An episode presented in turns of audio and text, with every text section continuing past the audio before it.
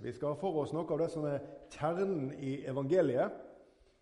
Eh, og Jeg satt og tenkte litt på dette i dag, og jeg har tenkt godt og gnagd på noe av det vi skal ha sammen her nå over, over faktisk eh, flere uker. Jeg har liksom ikke blitt helt rolig for uh, hva vi skulle stoppe for. Og dette her har vært noe som har levd i mitt eget åndelige liv. Litt sånn i kjølvannet av ferien. Jeg vet ikke hvordan din ferie har vært. Min ferie har vært veldig fin. Men alle de daglige rutinene de faller liksom litt av når en har ferie. Noen de liker å sove lenge. Noen synes at lenge det er klokka ett, og andre de er mer som klokka halv ni. det er lenge. Men vi faller litt utenom disse her tingene. og Så kommer frokosten, og så er det alt det kjekke som vi skal gjøre, og som vi har tenkt på at når det er ferie, da skal vi Og så har vi en liste over ting. Iallfall så hadde jeg en lang liste over ting. Og Noen av de listetingene som jeg hadde, de hadde nok Toril tenkt på at jeg skulle gjøre. Og Sånn er det med oss. Vi kommer ut av det daglige. og Poenget mitt er at når vi kommer ut av det daglige, så for min del så er ikke den vanlige tiden med frokostbordet hvor jeg får stillheten over Bibelen, den blir ikke den samme. Hele rytmen forsvinner litt. Og Dette har jeg gått og tenkt på litt igjennom ferien. Så jeg har tenkt på litt, Hva gjør det med mitt kristne liv?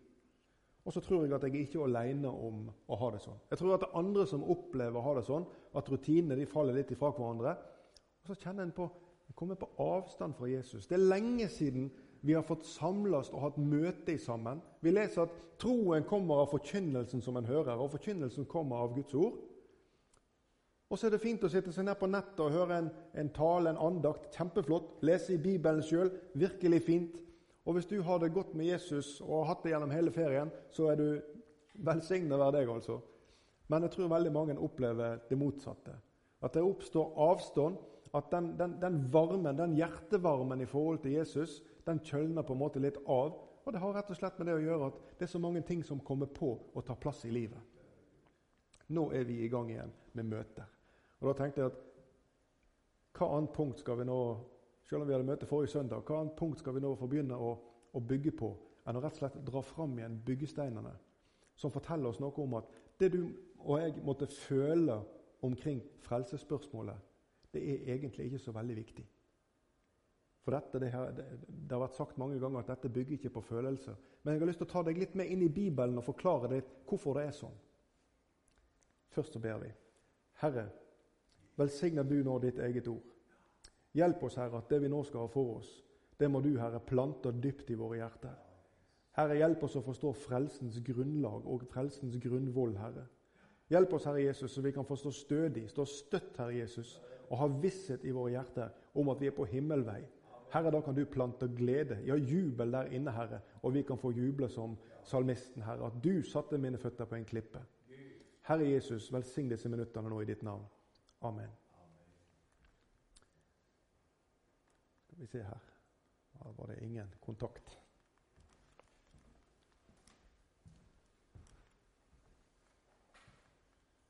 Her. Vi begynner med et vers som vi har lest, og som vi kjenner mange ganger. I Johannes 3, 16. For så har Gud elsket verden, at han gav sin sønn, den enbårne, for at hver den som tror på ham, ikke skal fortapes, men ha evig liv. Legg merke til at hele begynnelsen på dette som vi leste her sammen nå, det handler om at Gud elsker. For så har Gud Ikke jeg, for så har Morgan elsket, for Morgan har vært så flink, eller fordi han er så flittig å lese i Bibelen sin. eller Det handler ikke om noe om dette. Fordi at Gud elsker verden, så gav han du, Når du og jeg gir, så gir vi ofte av ting vi har fått eller tjent. Vi gir av, ofte av det vi har som overskudd. Men Gud, han gav det kjæreste han hadde. Han ga sin sønn den enbårne. Et offer som ikke kan sidestilles med noe annet som kan gis. Det gav han fordi at han elsker. Hvorfor? For at hver den som leser i Bibelen hver morgen og går på møte hver søndag? Nei, for at hver den som tror på ham, ikke skal fortapes, men evig liv. Du, dette her det er en sånn enkel begynnelse på det vi skal ha for oss her i dag. At troen på Jesus alene, det er nok. Vi skal lese vers, tre vers her fra Kolosserbrevet. Vi leser vers 12-14 eh, i Kolosserne 1. Med glede kan dere da takke Faderen som gjorde dere skikket til å få del i de helliges arv i lyset. Han er den som fridde oss ut av mørkets makt og satte oss over i sin elskede Sønns rike. I ham har vi forløsningen, syndenes forlatelse. Og Nå skulle dere sagt halleluja, alle sammen. For dette her, det bør virkelig gripe hjertene våre. At Faderen gjorde oss, han gjorde deg og meg, skikker. Jeg har jobba noen år i eh, Forsvaret, i Marinen. Og Når en får ny sånn militær grad, da får han et sånt brev. Og Det heter et beskikkelsesbrev. Og Det er altså en, en øvre myndighet som bedømmer en person, enten ut ifra tjenesteansiennitet eller det vedkommende har gjort osv. Kompetanse. Og, og så får en et beskikkelsesbrev. Og så En dag så fikk jeg et brev, og så sto det at jeg var beskikket til Og så var det kvartermester. Det var min første grad som befalingsmann. Og Etter noen år så fikk jeg et nytt brev, et beskikkelsesbrev som fenrik osv. Så videre. sånn var det gjennom tjenesten. Etter hvert som tiden gikk, så fikk jeg et beskikkelsesbrev. Men dette som vi snakker om her, det er noe helt annet. For dette det har ingen, ingen grunn i at jeg har gjort meg skikka til å få noe som helst. Vi leste nettopp med glede kan dere da takke Faderen, som gjorde dere skikket. Han har beskikka meg, og han har gjort meg skikka til å motta det som han gir. Det er ikke mitt verk. I møte med djevelens anklager så er dette her verset her virkelig et våpen du skal dra fram fra arsenalet. Når du skal stå imot han, og han kommer med alle slags bebreidelser om at du er ikke god nok, så kan du møte han og si 'stopp der'. Det er Gud som har gjort meg skikka til frelsen i Jesus. Det var Han som fridde oss ut ifra mørkets makt. Du ifra tidlig av, vi er bare helt i starten. Vi har kommet mer enn tre kapitler inn i skapelsesberetningen før vi leser om at mennesket synder mot Gud. Og Siden så har det vært utfor og nedoverbakke med oss. Helt til Jesus kom og tok et oppgjør, oppgjør med denne synden.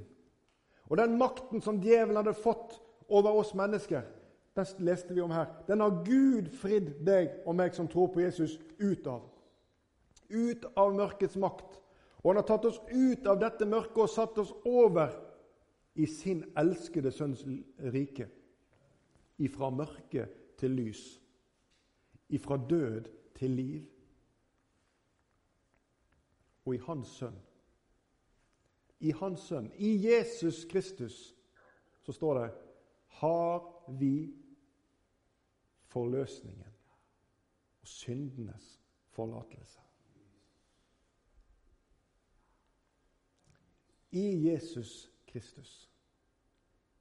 Og bare i Jesus. Ikke i mine gjerninger, ikke i mine prestasjoner, ikke i noe av meg sjøl. Jeg har fått alt sammen, og du har fått alt sammen. Og det er en gave fra Gud til deg. Du, Vi kan ha mange slags følelser om denne her skikketheten som vi har i forhold til å leve som kristne. Vi kan føle oss mer eller mindre både istandsatt og skikka til å gjøre ulike oppgaver. Vi kan føle at vi, ja, vi mangler ord når vi skal snakke med de vi møter på vår vei. Og det gis en anledning til å ta fram noe av dette som vi holder kjært for vårt hjerte, vi som tror på Jesus. Og fortelle dem om at det finnes en livets vei. Og fortelle dem om dette blodet som Jesus lot renne på korset, som tilgir all synd. All synd. Og så føler vi oss ute av stand. Så føler vi at vi mangler frimodighet. Du, Vi kan ha mange slags følelser om skikketheten til de tjenestene som Jesus ber oss om, og til selve livet med Han. Men det var Han som gjorde det skikka. Og Jesus er også den som utruster mennesker i dag. Vi kan ha mange slags følelser om synd og om tilgivelse. Og Kanskje du har latt deg besnære av den tanken at det som du hører om når du har gått i menigheten, og du har hørt forkynt, og du hører i dag om at Jesus han tilgir all synd, og at alt er borte, og at du er ren og hellig for Gud, og at du har plass i himmelen, og at det passer egentlig best på de andre og ikke på deg, så skal du trykke disse ordene til ditt hjerte. For disse ordene, de er dine. Dette løftet som Jesus gir om frihet og frelse for all synd, det er ditt. Jesus har gitt det til deg. Og ikke tenk på alle de andre nå, men tenk på ditt eget hjerte. At Jesus han går inn der og så tar han bort enhver ugjerning, enhver vond historie, ethvert vondt minne som handler om ting som du tenker at det kan ikke Gud tilgi. Eller det henger så fast ved deg. Alt dette kommer Jesus inn, og så renser han og tar det bort. Og så gjør han deg verdig og skikker for himmelen. Så er dette med tvil, da. Ja, men holder dette, da? Er det nok? Jeg må vel gjerne ta meg litt i sammen.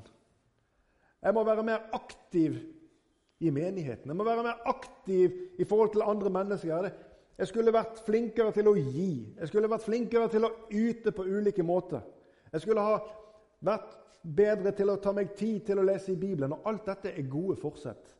Men kjære venn, frelsen den ordner Jesus med på Golgata. Og Det handler ikke om prestasjoner. Alt dette vi snakker om vi, med å ta tid til å leve og lese i Bibelen, og alt dette, dette er viktige byggesteiner for din bevarelse på veien mot himmelen. Men synstilgivelsen den skjedde på korset når Jesus ropte at det var fullbrakt. Da var det fullbrakt. Da var det nok. Da var djevelen og hele hans ånde her stilt åpenlyst til skue. Avvæpna. I 1. Johannes kapittel 1 vers 7. Men dersom vi vandrer i lyset, like som Han er i lyset, har vi samfunn med hverandre. Og Jesu, Hans Sønns blod, renser oss fra nesten all synd. Ingen høylytte protester her. Jesus, Hans Sønns blod, renser oss fra all synd. Prøv å nevne en synd som ikke er med i dette begrepet all synd. For det finnes ikke. Jesus tilgir alt. Og det er ordentlig herlig. Jeg kjenner det her inne. Men hva er det med dette blodet? Jesu, hans sønns blod. Vi snakker mye om blod når vi leser i Bibelen når vi snakker om syndstilgivelse. Hva er det med dette blodet? Hvorfor er det så nødvendig? Vi leser at Jesus døde og han sto opp igjen. Men hva er det med dette blodet? Jeg skal prøve å gå litt inn i det uten å gå så tungt til verks. I Hebreabrevet Hvis du leser Hebreabrevet, og så leser du andre Mosebok liksom sånn parallelt, så vil du finne at andre Mosebok det er jo utvandringen, av Exodus, som eh, den heter på engelsk. Utvandringen av Egypt. Og Den handler om hele vandringen, og den handler om når Guds lov ble gitt ved Sinai, og den handler om at tabernaklet ble eh, reist, og det handler om alle offerskikkene som fantes for folkets synd. Og Hebreabrevet som vi skal lese fra nå, kapittel 9 og vers 22, det gjenspeiler bare en bitte liten del av det som den gamle pakt eh, var speiler på. Og vi leser her Uten at blod blir utgitt, blir ikke synd tilgitt. Det er vel ikke vanskelig å forstå. Uten at blod blir utgitt, blir ikke synd tilgitt. Du, Allerede veldig tidlig i bibelhistorien så finner vi et sånt bilde på hvordan dette blodet har en beskyttende effekt. Og Du er med meg når vi leser i andre Mosebok, og vi skal lese i kapittel 12, og vi leser vers 21-23. Da kalte Moses sammen alle Israels eldste og sa til dem.: Gå og hent småfe for deres familier og slakt påskelammet. Og dere skal ta en isoppkvast, dyppe den i blodet som er i skålen, og stryke noe av blodet i skålen på den øverste dørbjelken og på begge dørstolpene. Og ingen av dere skal gå ut gjennom, hus, gjennom sin husdør før om morgenen. For Herren vil gå gjennom landet for å slå egypterne. Og når han ser blodet på den øverste dørstolpen og på begge dørstolpene, skal han gå forbi den døren og ikke la ødeleggeren slippe inn i deres hus og slå dere. Du husker kanskje denne beretningen. Det er den tiende plage vi leser om her, som skjedde i Egypt. Det var mange plager, ti stykker.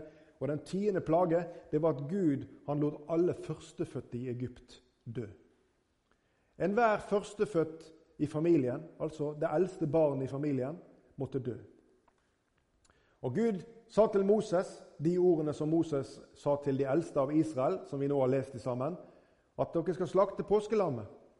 Dette blodet det skal opp i en skål, og så skal dere bruke en isoppkvast, altså en sånn liten buskvekst. Og skal dere ta og dyppe i denne skåla nedi dette blodet, og skal dere stryke på dørstolpene og så på denne øverste dørbjelken.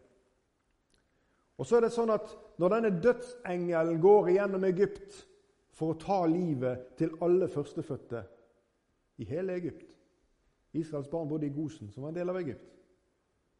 Så skal denne dødsengelen se dette blodet på disse dørstolpene, og så skal han gå forbi. Han skal ikke gå inn i dette huset, han skal gå forbi.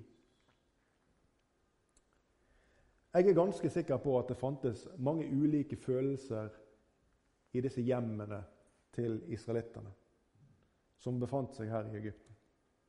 Jeg er ganske sikker på at det fantes førstefødte som var ganske små. Og det fantes sikkert førstefødte som var like gamle som jeg. Jeg er også en førstefødt i min familie. Og jeg er helt sikker på at følelsesregisteret var ganske forskjellig. Noen var kanskje kjempeglad. Tenk og de hadde kanskje, Jeg vet ikke om de sa halleluja. Men tenk at nå har Gud sagt til oss at vi har smurt dette blodet på disse og, og da kommer den dødsengel til å gå forbi. Tenk så herlig! Da har du den ene punktet på skalaen. Og den andre punktet på skalaen er det nok? Tenk om ikke det er nok? Tenk om ikke han ser det? Tenk om ikke vi har smurt på nok? Du er med meg? Hele dette følelsesregisteret her. Men uavhengig av de følelser som måtte være der inne, enten det var visshet eller det var frykt eller Uansett, hva er premisset for at dødsengel går forbi? Og Det er at blodet er påsmurt stolpen. Det er det eneste premisset som Gud har gitt. Og dette blodet det beskytter uavhengig av følelsene som fantes der inne.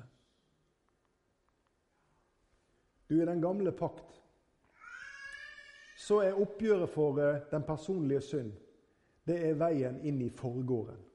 Jeg har tatt med et lite bilde. Jeg er veldig glad i tabernaklet. Det vet dere som kjenner meg. Jeg kan knapt komme innom og diskutere et bibelsk tema uten at vi ender innom i tabernaklet på en eller annen måte. Og det gjør vi òg i dag. Du er inne i forgården, som vi, som vi, ser her. Det er hele dette området her inne. Her ser vi porten, dere som sitter her og ser. Det er sånne tepper imellom sånne søyler som står her. Og når noen blant folket har synder, så må de ta med seg et offerdyr.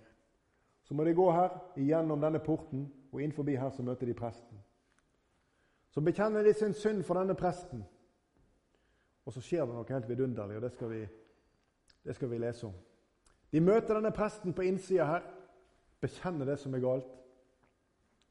Og så husker vi dette som vi leste fra Hebreabrevet 9,22, at uten at blod blir utgitt, så blir ikke synd tilgitt. Og Det er også grunnen til at dette offerdyret er med inn her. Det er sånn at Enten så må det et uskyldig offer til, eller så må synderen dø. Ofringen skjer på denne måten. Presten, og vi leser her i 4. Mosebok, i 3. Mosebok, eh, kapittel 4, vers 29. Han skal legge hånden på syndofferets hode og slakte syndofferet der hvor brennofferet blir slaktet. Skal vi lese vers 35 i samme kapittel. Og presten skal brenne det på, brenne på alteret sammen med Herrens ildoffer. Slik skal presten gjøre soning for ham for den synden han har gjort, så han får forlatelse. Her ser vi at blod blir utgitt for at denne synderen skal få tilgivelse. Men det er noe helt vidunderlig akkurat i det som skjer når han som har gjort noe galt, kommer inn i forgården og møter presten og har fortalt om hva som har skjedd. Så leste vi at presten han legger hånda på hodet på dette offerdyret. Og hvis du er med meg i det bildet på det som skjer her Når han legger hånden på hodet på dette offerdyret, så bytter synderen og offerdyret plass. Nå er det offerdyret som er skyldig for synden og synderen går fri. Et fantastisk gammeltestamentlig bilde på det som skjer med deg og Jesus. Han måtte dø for at du skulle gå fri. Uten at blod blir utgitt, blir ikke synd tilgitt. Men så sier hebreabrevet til oss noe om at dette var jo i den gamle pakt. Disse offerskikkene. Nå skal vi lese litt. Hebreabrevet kapittel 9, og vi skal lese vers 7. Men i det andre teltet går bare ypperstepresten inn en gang om året, og da ikke uten blod, som han bærer fram for seg selv og for folkets forseelse. Du så dette bildet, og du som har vært her i arken, du har fått sett det mange ganger, bildet av tabernaklet. Dette teltet som står inne på denne plassen som vi inngjerda. Og dette teltet har to rom.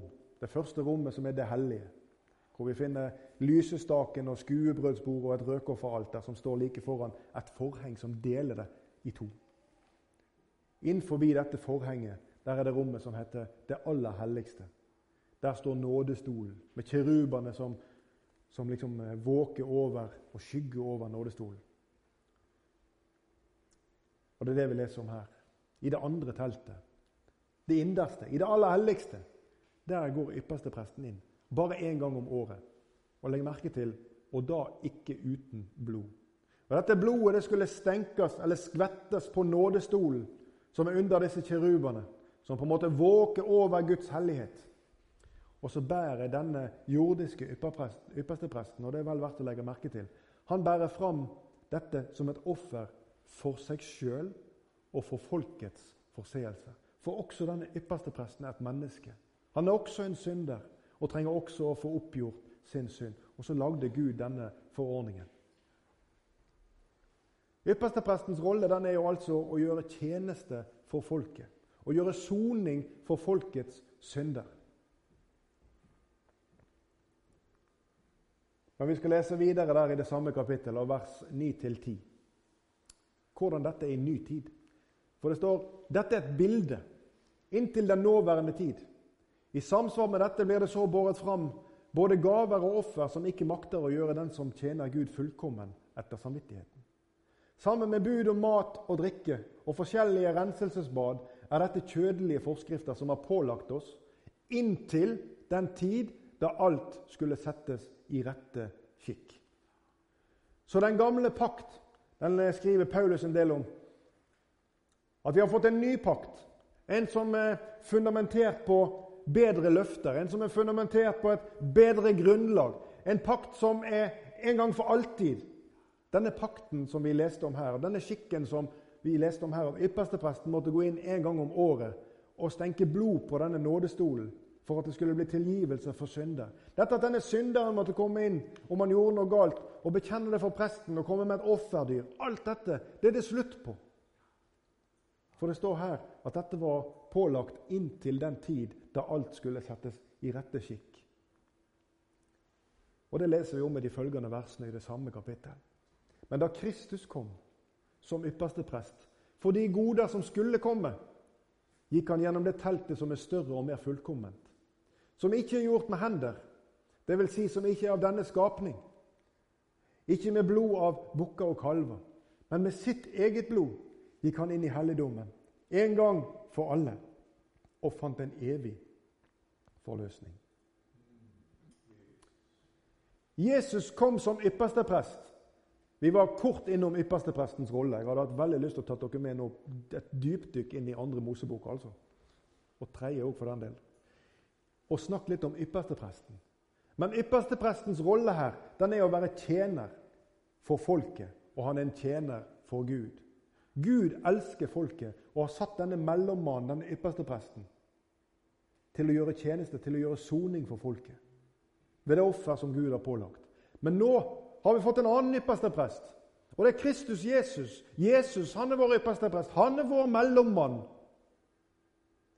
Og han gikk ikke inn i dette tabernakelet som de hadde i ørkenen, inn i det aller helligste, og, og ofra blod der inne. Dette tabernakelet det er bare et bilde på det himmelske. Og det var der Jesus gikk.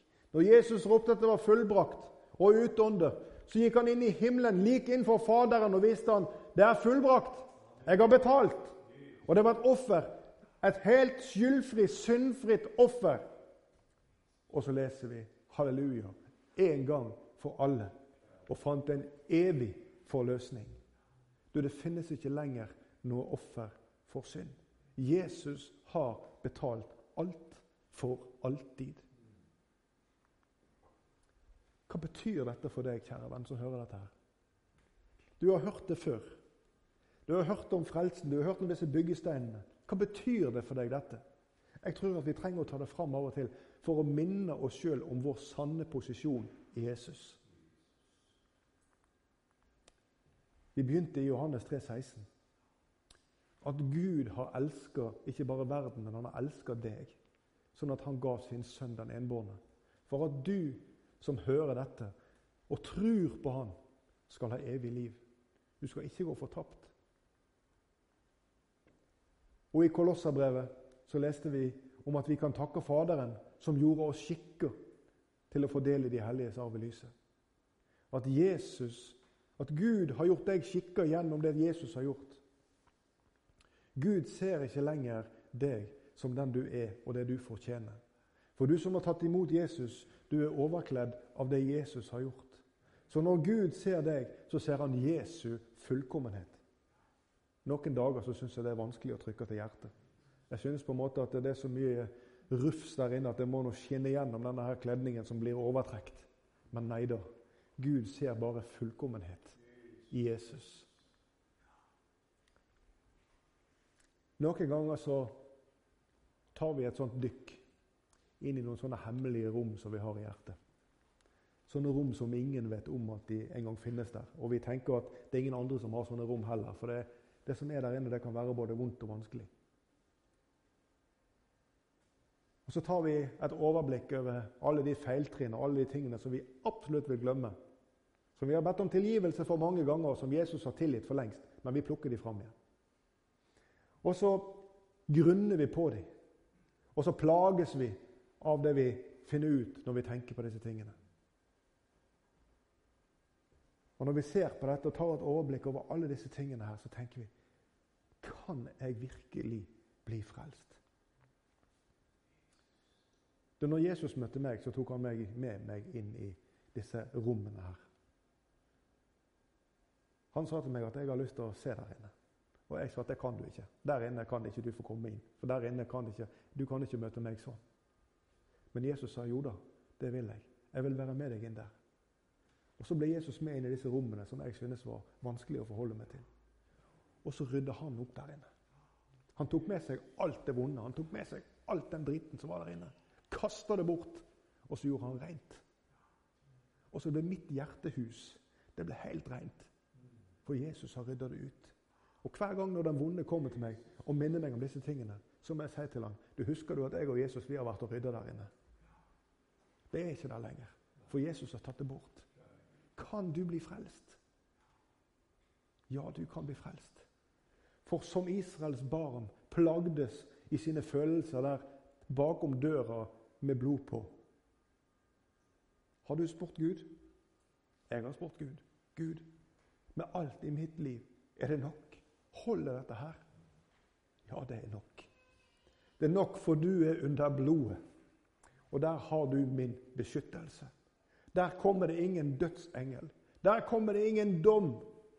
For der inne, der er du ren og rettferdig inntil den dag jeg skal hente deg. Du, det er herlig. Det som vi leste om her i forgården. Når offerdyret og synderen bytter plass. Når tilgivelsen finner sted.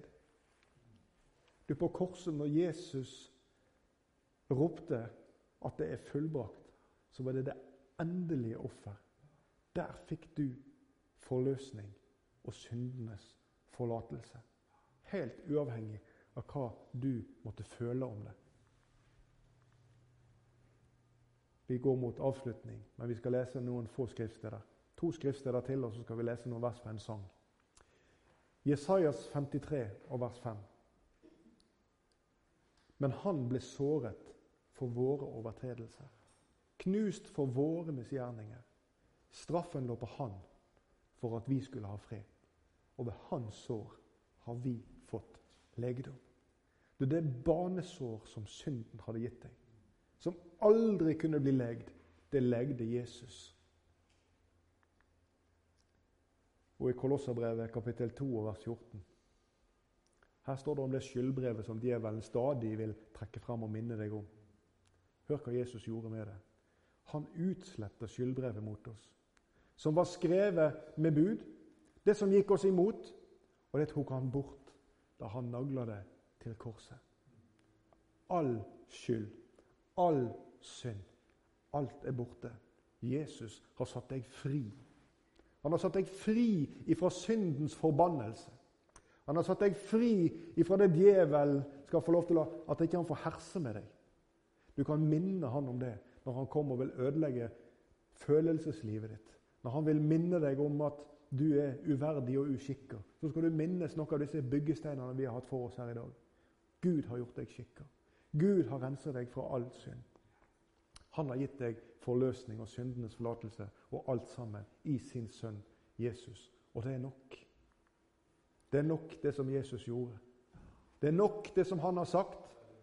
Han har sona de synden store, og deg vunnet så rein ei drakt. Og hør her. Du trenger ikke lenger tvile, for Hans nåde er nok åt deg. På et fullført verk får du hvile, og så færrest med fryd din vei. I Nehemia 8,10 kan du lese noe om at gleden i Herren er vår styrke. Og dette det skal være med å skape glede i ditt og mitt kristne liv, så vi kan få finne styrke. Herre Jesus, takk for ordet ditt. Og Herre, takk og takk for ditt offer. Takk, Herre, for at vi skal få lov til å ta til oss i våre hjerter, Herre, at vi faktisk overfor Gud er rene og rettferdige. Syndfrie, skyldfrie og ustraffelige er ord som du bruker i ditt ord om oss, Herre Jesus, som har tatt imot deg. Og Herre, det er noen dager så er det for stort til å forstå, Herre. Men plant du vissheten om dette i våre hjerter, Herre, når vi møter alle slags bebreidelser som det vonde vil ramme oss med. Hjelp oss å minnes disse ordene, Herre. At det er du, Herre. Det er du som har gjort alt. Og at i deg, Herre, så er vi perfekte i Guds øyne. Hjelp oss, Herre Jesus, å ha denne vissheten i våre hjerter. Og Herre, hjelp oss å trekke det fram, så vi kan få glede oss over det i det daglige. Amen.